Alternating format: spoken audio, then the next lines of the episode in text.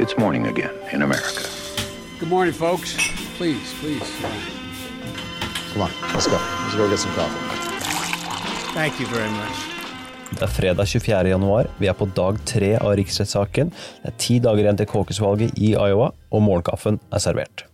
Dagens første sak kjempehopp for Bernie Sanders i New Hampshire. I går slapp radiokanalen WBUR sin nye meningsmåling for primærvalget i New Hampshire.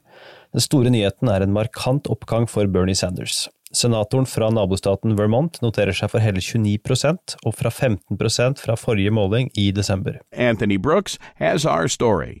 This has been a good period for Sanders, who's been raising more money than anyone else in the race for the Democratic presidential nomination. Pete Buttigieg, som ledet desembermålingen, går ned 1 prosentpoeng til 17 Biden ligger på 14, tilbake 3, Warren på 13, opp 1, mens Klobuchar gjør et hopp på 3 prosentpoeng og klokker inn på 6% på denne målingen.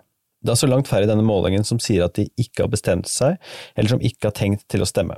Verdt å merke seg er det også at Bernie Sanders kan notere seg til dels ekstremt gode favorability-tall i denne målingen. Blant kvinner i alderen 18 til 49 så oppgir hele 87% at de har et positivt inntrykk av Sanders. Dagens andre sak, riksrettssaken, fortsetter. Og de to første dagene har vært viet til etablering av retningslinjer og til åpningsinnlegg. Begge sider, demokratene og republikanerne, er gitt 24 timer fordelt over tre dager til disse åpningsinnleggene. Demokratenes såkalte impeachment managers, kongressmedlemmer som er utnevnt til oppgaven av speaker Nancy Pelosi, fører nå sine argumenter for Senatet og leder av Høyesterett John Roberts. Well, we should care about Ukraine. They're an ally of ours.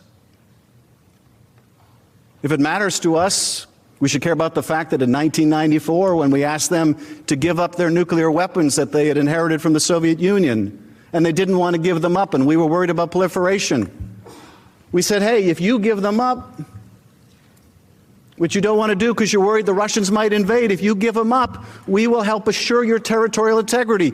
We made that commitment. Dagens tredje sak. Marianne Williamson støtter Andrew Yang. Selvhjelpsforfatter Marianne Williamson, som avsluttet sin presidentkampanje for to uker siden, kunngjorde i går at hun vil støtte Andrew Yangs kandidatur forbi caucusvalget i Iowa om snaue to uker.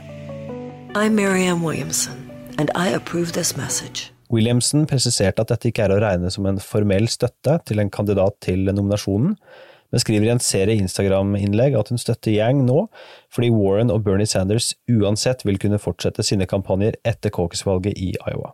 Yang ligger i dag på 3,7% i Real Clear Politics sitt snitt av målingene i Iowa, og Williamson skriver at hun nå vil støtte Yang for å hjelpe ham til å kunne fortsette sin kampanje også etter Iowa.